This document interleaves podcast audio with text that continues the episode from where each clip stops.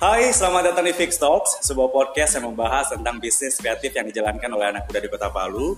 Dan ini merupakan podcast pertama, episode pertama dari Fix Talks dan senang sekali bersama saya dari Haryanto. Pada kesempatan kali ini kita akan coba ngobrol atau bercerita tentang ya seputar bisnis kreatif di Kota Palu. Ini kita sudah kedatangan uh, owner atau founder dari Pak Jeko, Professional Jeans Custom. Halo, apa kabar Muhammad Arif? Ya, Ibola. baik, baik, baik. Bagaimana kabarnya? Ya, alhamdulillah baik. Alhamdulillah baik ya. Oke, kita akan ngobrol atau bicara soal bisnis kreatif di Kota Palu. Kita tahu sendiri bahwa Pak Jeko ini adalah uh, sebuah bisnis yang bisa dibilang di Kota Palu itu sudah lumayan banyak yang menggunakan produknya ya. Ya, salah satu yang terkenal lah di Kota Palu. Tapi mungkin juga belum banyak teman-teman yang tahu um, bagaimana awalnya memulai bisnis ini, Pak Jeko, Professional Jeans Custom. Kenapa uh, kepikiran atau memilih untuk menjalankan bisnis di bidang ini? Ya, jadi awalnya saya eh, memulai dengan saya pernah kerja di satu tempat jeans juga. Aha. Eh, terus berselang tujuh bulan, akhirnya saya memutuskan untuk eh, buat store sendiri. Oke, jadi sebenarnya pernah bekerja uh, di usaha yang bergerak di bidang yang sama juga. Iya. Kemudian setelah itu keluar dan memilih untuk menjalankan bisnis sendiri. Iya. Oke, itu sejak kapan kira-kira? Itu 2014. 2014. Wow, sekitar enam tahun yang lalu ya, Ya, enam atau kurang tujuh lebih tahun yang lalu ya, kurang lebih ya. Oke, em, fokus dan memilih untuk menjalankan bisnis ini.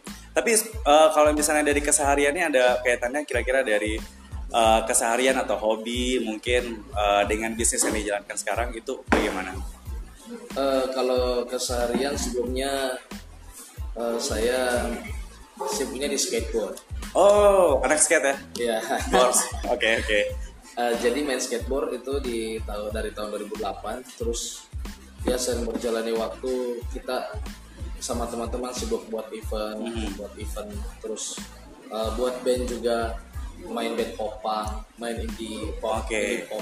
Eh, terus akhirnya berjalan sampai akhirnya main ke satu kota Hmm. bergaul dengan teman-teman seperti ke Manado dan juga Makassar akhirnya ketemulah teman-teman di sana dan akhirnya setelah selesai kerja di tempat surfing industry Mhm.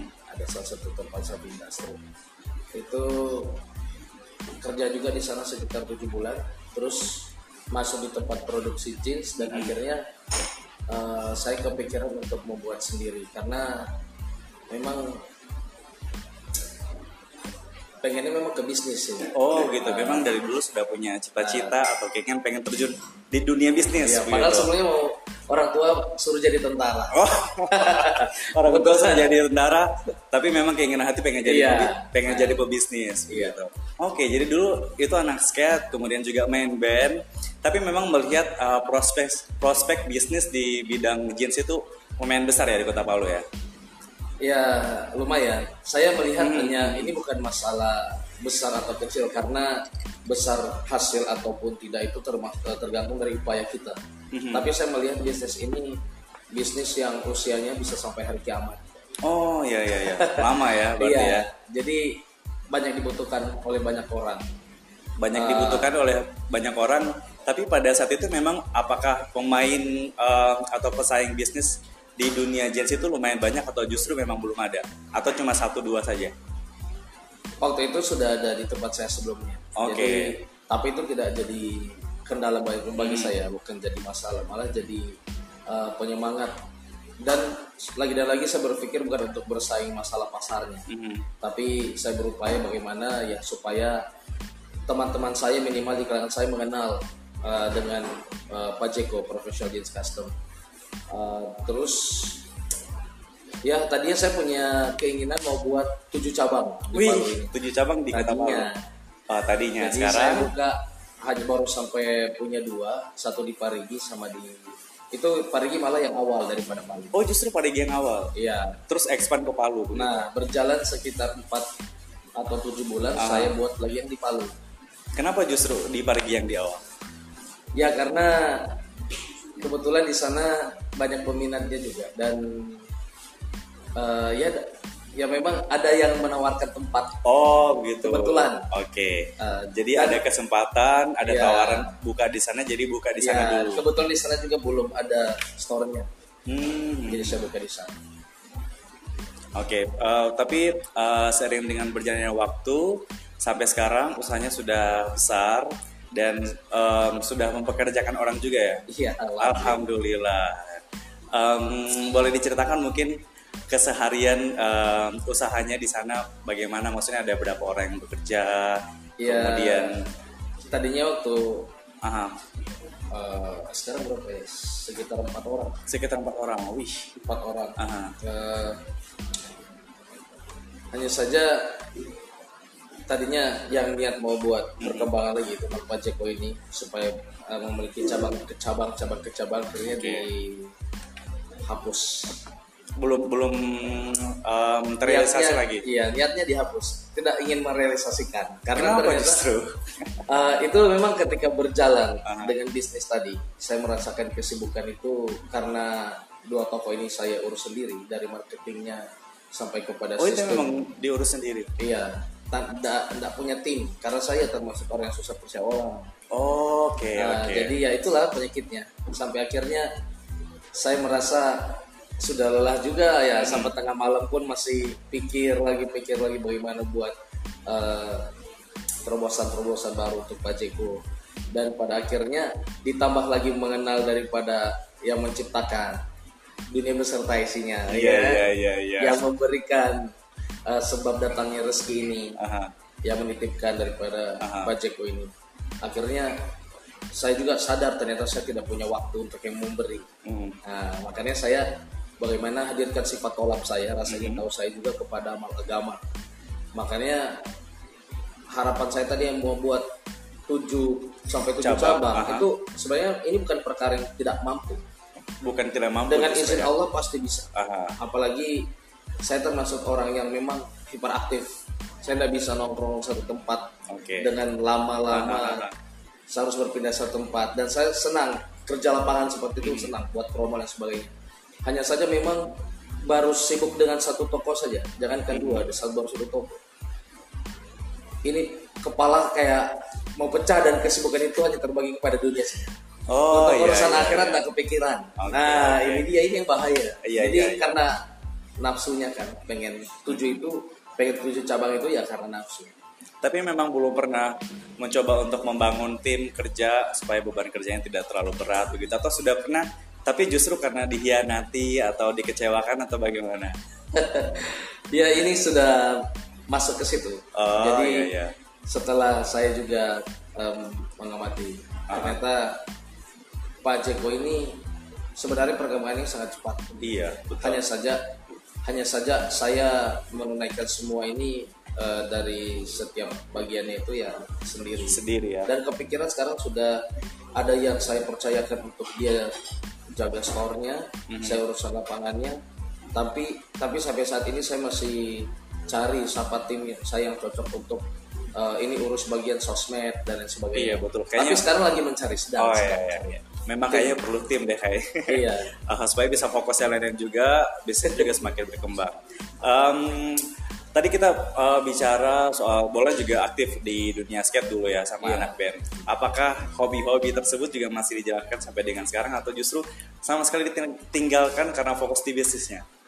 Ya, jadi sampai saat ini skateboard masih jalan. Oh, skate skateboardnya masih jalan. Ya, kebetulan eh, memang visi misi kami ketika membangun komunitas itu adalah bagaimana Palu Skateboarding sendiri punya eh, kami buat komunitas namanya Hmm. Palu Skateboarding. Dan dari situ bagaimana anak skate ini tidak lagi main di tengah jalan, Iya, iya, tapi iya. difasilitasi oleh pemerintah untuk skatepark dia sendiri dan alhamdulillah karena upaya kita akhirnya terrealisasikan di tahun 2000 berapa itu? 2013 ke 2012 terrealisasikan. Eh, bukan, bukan. 2000 berapa? barusan ya. 2016. Lupa. Pokoknya ya 2016 ya, ya, ya. ya, ya, ya. Ya, barusan. Barusan. Nah, terus bandnya juga masih jalan. Justru Band juga masih jalan. Wih, masih jalan. biasa. Sekarang malam ini lagi main. Oh. Tapi saya yang tidak main. Oke, Nah, oke, oke. ya, jadi ya itu karena masih sibuk dengan perkara lain. Tapi itulah jalan-jalan skate sama band itu menjadi jalan untuk eh, promo saya juga sebenarnya. Oh, Karena tapi tapi bagaimana cara bagi waktunya antara bisnis terus skateboard sama bandnya juga? Nah, jadi ini hanya masalah keterkaitan sih. Ah, Misalnya saya mau main band, ya aparel saya dari Pajeko. Saya buat Hmm. Oh, sendiri. oke. Satu Celananya saya ikut yang Ah. terkini apa, Iya saya iya bikin. iya. Satu Atau- kali branding lah ya. Iya, Oke atau oke. atau yang cocok dengan badan saya eh, potongan can seperti Hmm. apa, chino kah atau jeans atau uh, selvedge dan sebagainya. Saya buat dan di situlah saya juga sudah bisa buat promo buat iklan. Nah, kadangkala kalau saya juga manggung, Hmm. ya saya sampaikan bahwa endorsement kami adalah Oke, Pajeko. ya, satu kali endorse berarti Iya, ya. sekali sekaligus. Karena Sekali menyela. eh, part apa Oke. eh, tim player yang lain juga pakainya itu sama. Jadi semuanya sama, satu kali branding semuanya, satu bandnya, Iya. luar biasa. Tapi eh, balik lagi soal tadi saya sempat singgung juga, em, ini kan pernah bekerja eh, di usaha yang juga sama di bidang jeans custom ya. Iya. Tapi sebelumnya sudah pernah berbisnis juga, mungkin ada bisnis yang sempat dijalankan sebelum bekerja ataupun juga sebelum mulai bisnis ini. Eh, sebelumnya pernah kerja di tempat surfing industry. Memang Hmm. pernah boleh sebut ini ya. Eh, boleh sih, ini apa-apa sih. Eh, jadi pernah kerja di Point Break. Oke. Eh, waktu itu itu orang tahu tempat surfing industry brand seperti Quicksilver, Hmm. Billabong, Rusty. Eh, jadi ketika ya main di eh, store apa seperti Point Break itu dan Hmm. masuk ke dalam dunia skate, saya jadi kepikiran dulu mau buat clothing sendiri. Oh, tidak tidak membuat- buat jeans custom, tidak. Oh, justru membuat clothing Ah, sendiri, mau buat clothing sendiri, brand sendiri. brand sendiri. Uh, hanya saja ya kebetulan karena banyak waktu nongkrong. Hmm. jadi tidak fokus pikirannya. Tidak berpikir tentang modalnya bagaimana. Hanya sekedar wacana. Iya. sampai akhirnya saya merasa kerja yang sesibuk dengan seperti tempat custom ini karena orang kan datang dia milih bahan. Dia pilih benang pola kantor seterusnya dia pilih. Kami buat sesuai keinginannya dibikin ya selesai dipakai. Gitu itu apa dengan kesibukan yang ada dalam custom jeans itu saya saya lebih tertarik daripada buat yang langsung jadi Oh, Oke. Nah, karena- Tapi memang berarti belum sempat realisasi untuk buat clothing sendiri. belum belum Belum sempat. Eh, dulu sama teman sudah mau jalan akhirnya karena ya begitulah sayangnya nggak jelas nggak Iya, iya, iya, ap- iya. nggak nggak menetap di satu Iya. eh, tujuan ya akhirnya buya Padahal sebenarnya dari usaha ini bisa sekali ya Bisa. untuk buat bisa clothing sendiri, brand sendiri, produksi bisa sendiri, bisa semuanya bisa jalan sendiri. ya atas izin Allah pasti Oke. Em, tadi juga bola sudah sempat bicara orang tua itu pengennya jadi tentara sebenarnya. Iya. Tapi em, dari bola sendiri berpikir untuk aduh kayaknya saya jadi pebisnis aja jadi wirausaha. Itu kenapa sebenarnya mau jadi Iya, berwirausaha? ya kebetulan orang tua saya kan tentara Oke. dan dia di bagian penerimaan Ah, jadi orang yang mau masuk tentara itu kalau sama jadi banyak saudara-saudara saya kakak saya masuk tentara itu mudah kalau diurus sama bapak mhm. tapi saya memang tidak karena itulah saya lihat keseharian di kantor itu seperti itu datang apel pagi kemudian kumpul sama teman-teman kalau ada tugas ya dia pergi Oh. dan saya saya tidak bisa menetap di satu Oke. tempat kayak gitu Jadi justru karena melihat keseharian dari orang tua, Iya. jadi kayak punya gambaran, "Duh, kalau saya jadi tentara juga kayaknya begini saja, Iya. begitu ya. karena itulah mas Se- seperti orang tua juga dia ikut tentara juga bukan keinginan dia Oh, oke. karena senangnya dengan eh, bercocok tanam eh, hewan ternak. Sukanya seperti itu. Nah saya melihat apa yang terjadi kepada orang tua saya itu menolak dari ap- apa yang dia inginkan. Nah saya juga begitu. Saya tidak mau ikut-ikut terjebak seperti orang tua saya. Saya menginginkan saya jadi bisnismen aja daripada eh, kerja di kantor diatur eh, ada kerja ya kerja tidak ada kerja ya diam-diam saja di kantor ya saya enggak Oke. bukan tipe orang seperti itu Bukan tipe orang seperti senangnya ya. di lapangan Senangnya di lapangan pindah-pindah tempat ya. Iya, iya. Oke. Em, tapi menurut bola sendiri, kenapa sebenarnya anak muda itu butuh berwirausaha? Karena kan sekarang kalau kita lihat banyak anak muda yang mindsetnya ya taruhlah jadi PNS atau eh, jadi apa pegawai. Tapi tidak ada masalah juga sebenarnya mau jadi PNS atau em, pegawai ya. Tapi kalau menurut bola sendiri, kenapa penting anak muda itu harus berani untuk menjalankan wirausahanya. Mungkin juga ada beberapa yang mau jadi pengusaha tapi masih agak takut begitu. Iya. Kalau saat ini kalau yang saya lihat untuk teman-teman anak muda ini ya ini kalau untuk memang cari duit sendiri itu penting. Karena apalagi sekarang dari biaya kuliah dan seterusnya Iya. itu sudah semakin mahal. Betul, betul. Dan kita harus bantu orang tua juga kan. Ah, Kita harus hanya saja bedanya Hmm. di tahun-tahun ini itu cari duit dengan buat bisnis lebih mudah. Lebih mudah bagi anak muda. Lebih mudah Makanya mereka bisnis. juga jadi berani hmm, menurutku. Dan memang di luar sel- selalu kegiatan anak muda yang ada di luar kota Palu ya, seperti di ibu kota Hmm. itu memang eh, selalu gaya hidupnya kita apa bercermin dengan orang-orang yang ada di, di ibu kota anak muda sudah berbisnis seperti Hmm. seperti ini apalagi eh, sosial media sendiri sudah memudahkan jadi orang Iya. hanya jualan online juga sudah dapat uang banyak betul ya. akhirnya yang tadinya juga buka gerobak-gerobakan dulunya kan malu Ah, karena mereka tidak pernah Betul lihat ya, betul ada ya. anak Ah. muda di ibu kota yang buka gerobak-gerobakan Ah, Jadi mungkin- bisa dibilang pengaruh dari ibu kota. Gaya-gaya anak muda Iya, di sana gaya hidup. itu itu lumayan kuat di kota Palu. Iya. Yang dulu mereka mungkin masih malu-malu untuk jualan di gerobak-gerobak, Iya, sekarang sudah lebih berani ya. Iya, sekarang malunya sudah tidak dipakai lagi, Betul. tidak berlaku karena itulah. Saya yakin kalau seandainya juga Ah. anak muda di ibu kota itu Ah. tidak ada yang jualan sampai main-main gerobak, ya, kayaknya orang-orang daerah masih anak minder, juga.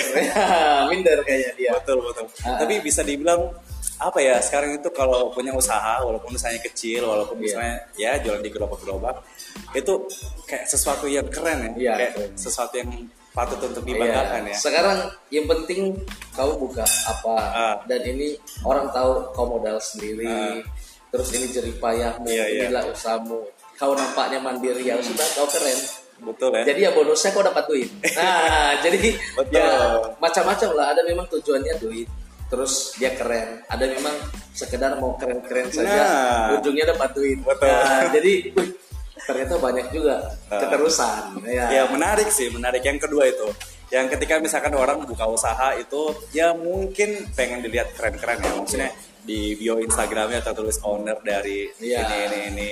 Tapi setelah dia jalani justru memang menguntungkan jadi keterusan. Iya, gitu. Jadi tidak ada masalah juga sebenarnya Iya, kalau misalnya masalah mau buka usaha Iya. untuk sekedar mau dibilang wih seorang pebisnis atau wirausaha tidak ada masalah juga ya sebenarnya. Iya. Kalau memang fokus menjalankan usahanya dan dapat cuan dari situ lanjutkan. Iya, selagi itu yang baik-baik. Iya, paham. Tapi em, kembali kita bicara soal bisnisnya, eh, Pak Jeko. Ini kan sudah jalan eh, sekitar berapa tahun ya? lebih sekarang? 6-7 tahun. Kurang lebih 6-7 tahun. Em, kalau dari bola sendiri rasakan apa tantangan atau apa ya semacam em, hal yang sulit untuk di apa ya dijalani atau tantangan terberat lah dalam menjalani bisnis ini. Ya dari Pak Jeko ini sudah banyak suka duka, Banyak suka dukanya. ya? pahit manisnya, garamnya, Oke, Pedasnya. pahit, pedas, garam, pedas. semua lengkap. Semua, oke. Ah, dan ya saya sangat bersyukur karena ini adalah pengalaman hidup Hmm. ah, dalam dunia bisnis yang sehingga mengantar saya kepada ah, mungkin ya kedewasaan lah. Hmm. Ternyata setelah merasakan ternyata cari uang itu begini menghidupi orang itu seperti ini. Tidak gampang ya. ya dan ternyata dari sampai kepada perkara eh, apa dalam tertib atau hukum perdagangan entah itu dari garis eh, hukum agama ataupun juga ya bagaimana adab eh, dalam berdagang itu saya temukan ketika saya buat bisnis sendiri seperti ini. Nah, Pak Jeko juga ya mengalami naik turunnya eh, keadaan Iya. Entah offsetnya atau Hmm. pikirnya josnya Iya, tadinya iya, wah iya. semangat saya bakal buat saya Iya bakal namanya buat juga usaha ya, tidak selalu Iya. di atas ya. iya jadi pas datang ujiannya oh saya mau buat ini datang ujiannya Hmm. ah ternyata lemah jatuh lagi jadi itu sudah itu sudah sering Eh, saya dari awal buka toko pernah sampai yang banting-banting Hmm. eh, apalah yang ada di meja bongkar kain Iya. lempar sapu Aha. ya kan? Dengan eh, teman kerja Hmm. kerja wah udah sering karena hanya masalah omset hanya masalah uh, kurang bersih kurang rapi dan sebagainya sampai saat ini alhamdulillah uh, ya kekuatan yang Allah kasih semua ditangani dengan santai saja biasa Oke. saja Jadi sekarang sudah Nah, tidak tegang-tegang lagi karena ya yang awal-awal dulu kayak cuma Iya. sekali tegang sekali Iya. dapat masalah sekarang lebih Iya, santai. ternyata ini sepele gitu. Iya, iya, iya. Oh, baru sadar sampai saat ini. Iya sih, karena memang kan kalau berwirausaha itu tidak selalu jalan uh, mulus atau lancar kan pasti ada jatuh bangunnya. Iya. Sekarang sudah lebih apa ya, lebih bijak mungkin Iya, ya. lebih bijak dan eh, lebih melembutkan hati saya. Hmm. Karena yang tadinya hati keras, tidak mau punya tim dan menerima eh, keadaan seperti A, B, C. Iya, iya, iya. Sekarang alhamdulillah sudah sudah sadar lah. Oh ini keadaan seperti ini mudah. Ini sudah pernah terjadi. Cara mengantisipasi seperti ini. Jadi eh, inilah semakin dewasa lah dalam membawa Iya, betul, betul. eh, bisnis ini untuk ke depan. Aha. Kalau untuk ke depannya kira-kira dari Pak Jeko sendiri em, ada rencana uh, expand atau mungkin inovasi selanjutnya? Eh, kalau expand belum sih, Belum ya? karena dengan usia enam tahun itu masih sangat muda sekali. Oh justru masih sangat muda 6 tahun. Iya, saya pernah ketemu sama orang dia sarjana ekonomi di seorang dosen di Bandung. Eh, teman saya, teman-teman dia lagi, Nah, dia bilang begini, itu usaha bisnis kalau masih di bawah lima tahun, terus yang punya bisnisnya nangis-nangis, merengek-merengek, jangan didengar. Gitu.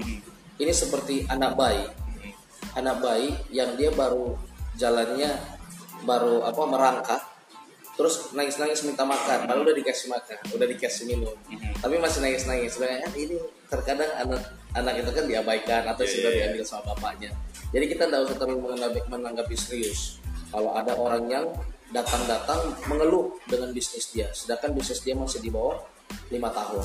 Nah tapi dia bilang kalau ada orang yang bisnisnya itu sudah di atas lima tahun eh, berjalannya di atas lima tahun terus dia punya keluhan ini wajib didengar deh ini wajib didengar diberikan saran diperhatikan.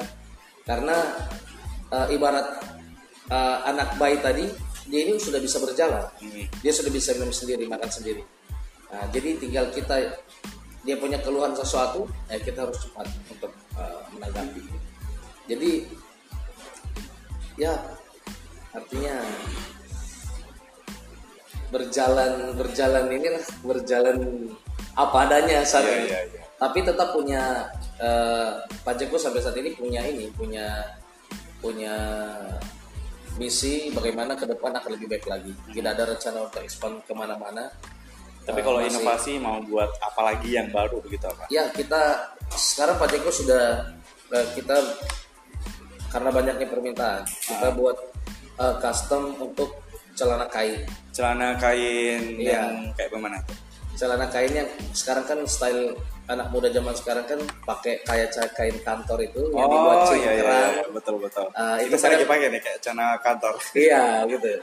Tapi memang itu lagi rame sekarang. Ah. Nah itu sebelumnya Pak Jeko tidak menyediakan bahan itu. Kalau sebelumnya Pak Jeko itu em, custom apa saja? Dia menyediakan bahan chino Ban chino, dengan warna yang lengkap, karet Hmm. atau tidak karet, Hmm.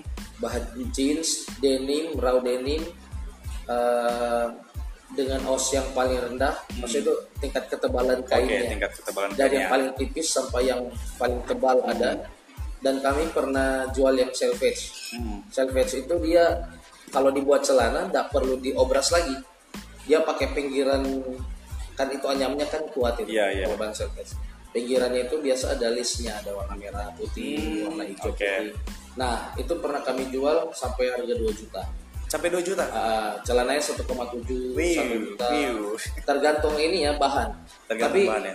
saya jual selama dulu pas buka 7 bulan nanti dari ready-nya bahan itu lakunya itu nanti dua bulan ke depan Lama juga ya. iya jadi yang Palu ini kayaknya belum siap dengan kayak Selvage. kayak marketnya belum Iya, siap. marketnya Pasarnya, belum siap. Betul. Itu pun yang beli waktu itu pejabat dia tanya kan Iya sih. mana yang paling bagus Eh, yang kalau saya juga pasti pasti bab pikir ini.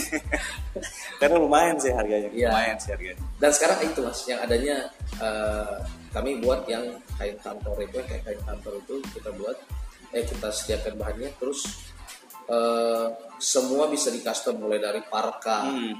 jaket eh, apa pun model desainnya eh, apa pun mau pilih bahan apa saja ukurannya sebesar apa sekecil apa kami buat. Eh, terus sekarang kan lagi keren celana-celana ini juga yang gombrang Iya. Eh, yang ukurannya itu slim strike bahkan ada yang borju dulu itu sebenarnya Iya. borju yang lebar Kembali kayak zaman dulu Ah, ya. Karena iya karena musiknya juga juga sekarang yang meningkat kembali kepada R&B Oh, ya kan? Oke. kepada hip hop Iya, iya, iya. jadi stylenya juga sudah seperti itu teman-teman di skate juga kebanyakan yang custom celananya sudah yang besar-besar Hmm. Yang besar-besar, Ukurannya. dulu kan slim fit Kalau dulu kayak skinny. slim fit, skinny, Iya. cebrai. Nah, dan buat ini juga banyak eh, komunitas seperti soft gun itu Hmm. mereka buat airsoft gun itu buat taktikal. Taktikal di Celana celana. taktikal Iya. itu yang banyak kantongnya. Iya itu. banyak kantongnya. Terus eh, ya banyak lah. Jaket-jaket ya. king ini juga banyak yang datang ke Oke, Cuma ke mana saat ini mas, apa? Pak Joko baru banyak yang tahu juga kalau ternyata Pak Joko itu masih ada. Oh, Nah. kenapa itu? Jadi waktu setelah gempa Ah, ah. Kami tutup hampir 6 9 bulan. pas gempa. Memang Pak Jeko eh, terkena dampak gempanya. Iya, terkena. Tapi ya itu setelah sebulan gempa, Hmm. sayanya yang pergi ke Pakistan Oh, selama enam bulan di waktu sana. gempa. Iya. Tapi keadaan sudah mulai baik. Saya Ah. bantu orang tua. Ah. eh, cuman memang toko betul-betul saya tutup. Saya tidak sentuh. Oke, sampai jadi- saya berangkat ke Pakistan. Waktu itu ke Pakistan dalam rangka apa? Eh, belajar dakwah, Oh, belajar perbaikan diri. Oke, iya. oke. Saya kira jadi relawan apa Oh, bukan enggak, ya? Iya. Jadi relawan untuk masuk alam. Oh iya, luar biasa. Jadi di sana selama enam bulan Ah. ditambah satu bulan di Palu, tujuh bulan saya tinggalkan. Eh, dari Pakistan saya stay di Jakarta satu bulan, 8 bulan saya masuk di Palu, belum langsung membereskan toko, Hmm.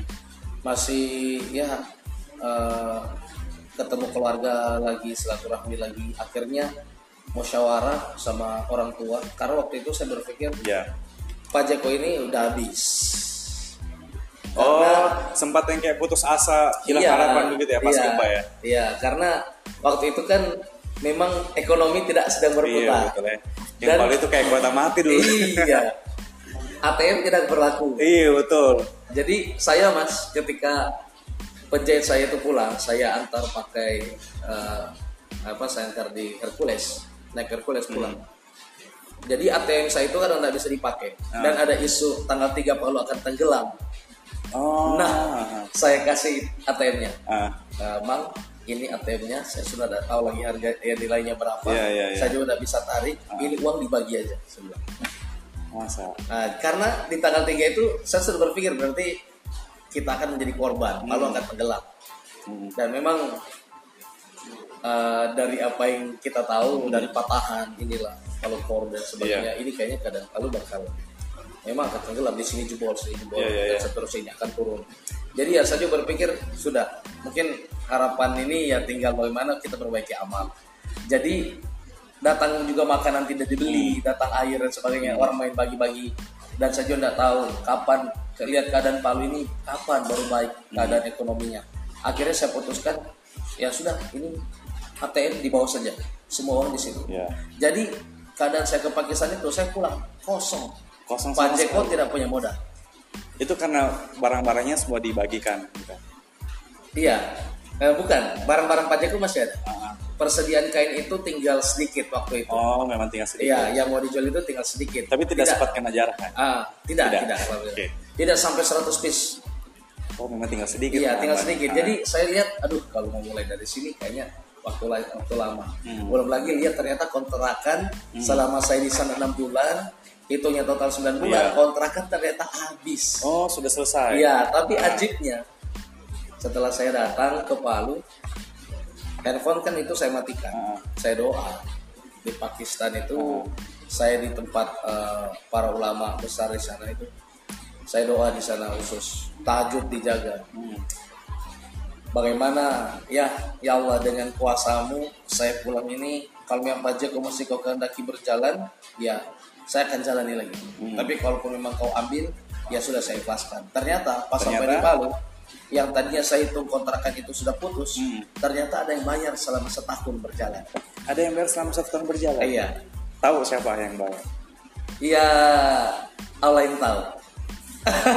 Serius. Iya, ada yang bayar Oke. setahun, Hmm. terus akhirnya eh, untuk seterusnya ya pajakku sudah berjalan setahun dan bahannya pun itu eh, datang dari eh, ada kerabat saya. Ada juga yang Ya dia supply. eh, dia dia pengen bagaimana pajakku ini jangan mati. Dia melihat dengan saya mengemban kerja dalam eh, dunia jeans ini senang karena dia lihat semangat saya. Ya katanya seperti itu. Akhirnya dia kepikiran pengen bantu bagaimana supaya pajakku tidak mati bahan kita supply lagi. Akhirnya bahan saya masuk semua sudah tergantikan dan sampai saat ini masih berjalan. Hanya saja dari keadaan gempa kemarin ya uang yang saya punya lagi yang didapat dari Pajeko dipakai lagi untuk tutupin yang retak-retaknya. Oh, jadi nah, diputar dari situ lagi lagi diputar lagi. Hmm. Jadi ya kerusakan-kerusakan sudah dibetulkan. Hanya saja tinggal satu yang sampai saat ini saya tidak punya waktu untuk urus. Apa itu? Plang namanya Pak Jeko. Jadi sampai sekarang namanya belum ada. Belum ada. Wih. Tapi sudah masih pakai rangka yang lalu. Tapi Oh. rencana mau buat jadi apa neon box yang baru. Oke. Nah, jadi sampai saat ini itulah yang membuat orang-orang kayaknya Pak Jeko sudah tutup. Iya kan. Jadi Jadi Pak Jeko tidak ada lagi. karena kurang lebih 9 bulan itu Iya. tutup, jadi orang-orang pasti bertanya-tanya nih, Nah. apakah Pak Jeko masih ada atau masih ada pindah atau berganti nama atau bagaimana? Ya, makanya saya pulang Ah. dari Pakistan itu Ah. orang langsung bilang pas buka handphone, Ah. Mas Pak Jeko pindah di mana? Mas Pak Jeko Iya. yang di jalan ini ya. Ah. Nah, kan ada yang baru buka. Ah, Yang baru Oh, yang iya. yang baru buka ini Ah. orang-orang mengira itu Pak Jeko. Karena mereka ada yang mengira lihatnya dari luar itu stylenya kayak Pak Pak Jeko. Jeko gitu. Oh. Kayaknya ini Pak Jeko gitu. Akhirnya banyak orang Mas itu di sini Pak Jeko ya. Ada juga sampai bilang Mas, saya kemarin bikin celana tapi kok gini-gini. Saya bilang gini, di mana Mbak? Kapan? Saya. Perasaan saya ini baru Iya, buka iya. ya. Oh ini bukan cabangnya Pak Jeko. Saya bilang, oh bukan, namanya saja beda saya bilang. Iya. Nah, akhirnya dan sampai saat ini ada yang bilang, Mas Pak Jeko tutup ya, Mas Pak Jeko sudah buka ya, Mas Pak Jeko masih di tempat yang dulu. Nah ini memang karena salah saya, karena memang ketika datang tidak langsung, ya karena ada kesibukan lain. Akhirnya pelang nama pun saya tidak sempat urus sampai saat ini. Makanya saya kepikiran harus sesegera mungkin, karena sosmednya pun baru aktif. Oh iya, Hmm. dan sosial media dari Pak Jeko ketika saya tutup selama 9 bulan itu pulang-pulang dari Pakistan saya lupa kodenya Jadi kode Instagram pertanyaannya semua Ah. sesuatu yang bisa mengupayakan untuk bisa masuk ke akun Ah. itu semua saya lupa. Jadi tidak bisa login. iya dan itu followers yang asli memang yang bisa yang saya saya upayakan tanpa beli-beli followers itu ada sekitar 7.000 orang palu nah 7.000 lebih itu yang hampir 8.000 akhirnya saya tidak bisa eh, berikan isu tentang Pak Jeko padahal Pak Jeko waktu itu sekali posting sudah ringan. Sudah ringan. Oh orang baru lihat postingan baru langsung datang ke toko lagi. Karena stay di Instagram kan. Tapi ya ketika tidak lagi aktif Instagramnya itu orang semakin yakin Pak Jeko tutup. Karena apa? Karena sama sekali tidak ada update di Instagram. Instagramnya tidak jalan-jalan. Nah makanya saya buat akun baru. Akun Oh, jadi baru. sekarang akun baru yang ada. Oh. dulunya itu di at, at pajeko p a j c o. Ah. Eh, tidak pakai underscore yang sekarang ini Pakai pajeko underscore. at pajeko pada pakai underscore Sayang sekali berarti ya Instagram yang Ah, lama ya. yang sekarang ini baru 700 itu pun lagi-lagi saya lupa kodenya Ya, ah, kayaknya butuh orang yang pegang sosial medianya nih. iya karena makanya Iya. nggak ada tim pikirannya sudah terbagi Betul, betul. Jadi sekarang Instagram baru. sekarang Instagram baru tapi Ah. semua pertanyaan cara-cara yang bisa untuk bagaimana bisa masuk lagi kalau saya makanya akun ini kalau saya tutup Ah. saya tidak bisa masuk lagi sampai ke akun pribadi saya Iya, iya, iya. akun pribadi saya juga tidak bisa dibuka sekarang eh maksudnya kalau saya close saya tidak Ah. bisa masuk lagi saya lupa Karena lupa. Ada. karena sibuknya ya ke perkara lain juga tapi bukan yang mengabaikan Ah. Pak Jeko dan uh, pribadi saya tidak tapi ya ya seperti itulah yang terjadi kehendak Allah Tapi sudah banyak yang tahu sebenarnya kalau Pak Jack itu Nah, masih buka. Sekarang saya lagi gencar-gencar lagi. Iya, lagi harus. posting, posting, posting dan sudah uh, dapat uh, calon tim untuk bisa masuk bagian sosmednya. Uh, dan ini juga uh, perdana Hmm. untuk uh, eksistensi daripada Pak Jeko sendiri. Oke, jadi Dengan pertama kali lagi. ya. Iya. Iya memang sih, karena ya teman-teman di Palu pasti Iya. butuh informasi nih Pak Iya. Jeko sebenarnya masih buka atau bagaimana. Jadi ini ada sekaligus klarifikasi kalau Iya. Pak Jeko itu masih buka dengan tempat yang lama masih dengan di situ. tempat yang lama dengan uh, kualitas yang lebih baik lagi Ah. karena kami hanya menyediakan uh, bahan yang kualitas A Oke. tidak ada kami lebih baik kami jual dengan harga yang sedikit mahal tapi bahan kami berkualitas sehingga yang pakai juga puas Yes. sedangkan perbedaan hanya kecil sekali palingnya 20-30 ribuan tapi kualitas Oke. Jadi memang untuk rencana ke depannya em, Pak Jek itu akan custom untuk celana-celana kain, celana kantoran karena memang Iya. banyak anak-anak muda yang suka pakai celana kain juga ya. ah, karena Ah. SMA juga banyak nih Anak SMA juga. Eh, tapi jadi- setahu juga Pak Jeko bisa custom celana SMA ya dulu ya. iya sampai sekarang Oh sampai sekarang masih. karena sebenarnya awalnya kita menolak Oh. tapi karena anak-anak itu datang Ah. dan juga mereka memohon Aha. kak saya mau kak punya celana kayak Oke, punya teman oke. itu saya saya nggak tahu itu bagaimana ceritanya mungkin dia cabut di celana jeansnya dia pasang di celana sekolahnya Hmm. pada akhirnya anak SMA lain lihat Aha. dan dia bilang buatnya di Pajeko akhirnya apa ber, bersaut-sautan itu yang Banyak, datang banyak. SMA 2, Oke. SMA 1, SMA inilah Aha. SMA ini datang gitu Akhirnya kan. karena permintaan itu Ah. dibuatlah memang untuk custom celana sekolah. iya dan sekarang ini Ah. brand kita kan kebetulan ini ya karena saya kemarin lagi luangkan masa 40 hari di luar. Sedangkan saya dari dari teman sendiri yang eh, apa yang saya tinggalkan ke Pulau Pak Jeko dia lupa kalau brandnya habis. Hmm. Jadi yang diproduksi di Bandung belum disuruh kirim. Akhirnya anak SMA ataupun eh, siapa saja yang sudah custom celananya tanpa merek di belakang itu tanpa label, semua sekarang pada kirim di WhatsApp dan nuntut celananya saya belum mau pakai kalau ada brandnya katanya. Oh. Jadi Karena Pak Jeko itu sudah kayak jadi Iya, kebanggaan sebenarnya. ja- jadi jadi produk yang mereka inginkan. Iya, betul. Saya- Pride. Kalau saya celana senang juga kelihatan sih. Pak Jeko, oh buat di Pak Jeko bukan? Iya, iya. Sebenarnya saya senang juga sih karena eh, apa Pak Jeko ini pada akhirnya menjadi brand yang diinginkan. Jadi setiap hari saya dapat WhatsApp eh, di Instagram Pak Jeko juga, Kak, labelnya sudah masuk belum label? Sedang belum masuk, se- sedang di eh, produksi. Kemarin kami telat untuk produksi kembali ketika mau habis itu kan. Stikernya pun begitu. Stiker pun habis Nggak ada juga. stiker kami sampai waduh stikernya habis deh nanti ya kalau sudah ini lagi oh nanti kalau ada kak kabarin saja kak Mhm. eh posting saya di Instagram nanti saya ambil lagi itu kan masih saya Karena punya mereka juga mau itu ya. Iya. Stiker. ya saya senang juga sih karena itu Iya. menjadi brand yang diinginkan Oke, siap. Terima kasih banyak Ya, sudah banyak cerita um, untuk podcast yang pertama ini. Karena memang banyak sekali inspirasi yang mungkin teman-teman juga bisa ambil dari cerita bola sendiri menjalankan usahanya. Yang banyak sekali tantangan, sudah merasakan garam, uh, pedis dan lain sebagainya dalam usahanya. Jatuh bangun pada saat gempa juga 9 bulan tutup. Eh, Iya. orang pikir tutup ternyata masih jalan. Iya. Ya. Jadi untuk teman-teman sekaligus juga mau sekali lagi menyampaikan kalau Pak Jack itu masih buka Iya. dan di tempat yang lama, ya. Cuma pelangnya saja tidak ada. cabang di Oke, uh, terima kasih untuk Pola atas waktunya. Semoga makin sukses untuk usahanya Professional Jeans Custom. Alamatnya boleh sekali lagi disebutkan. ya alamatnya di Jalan Arif Rahman Hakim Hmm. nomor 2A tepatnya di samping eh, di belakang kantor DPRD provinsi. Oke. Eh, ya di samping eh, belakang Polda di samping sekolah STM. Iya, SMP 15. samping sekolah. SMP 15 Haji Hayu.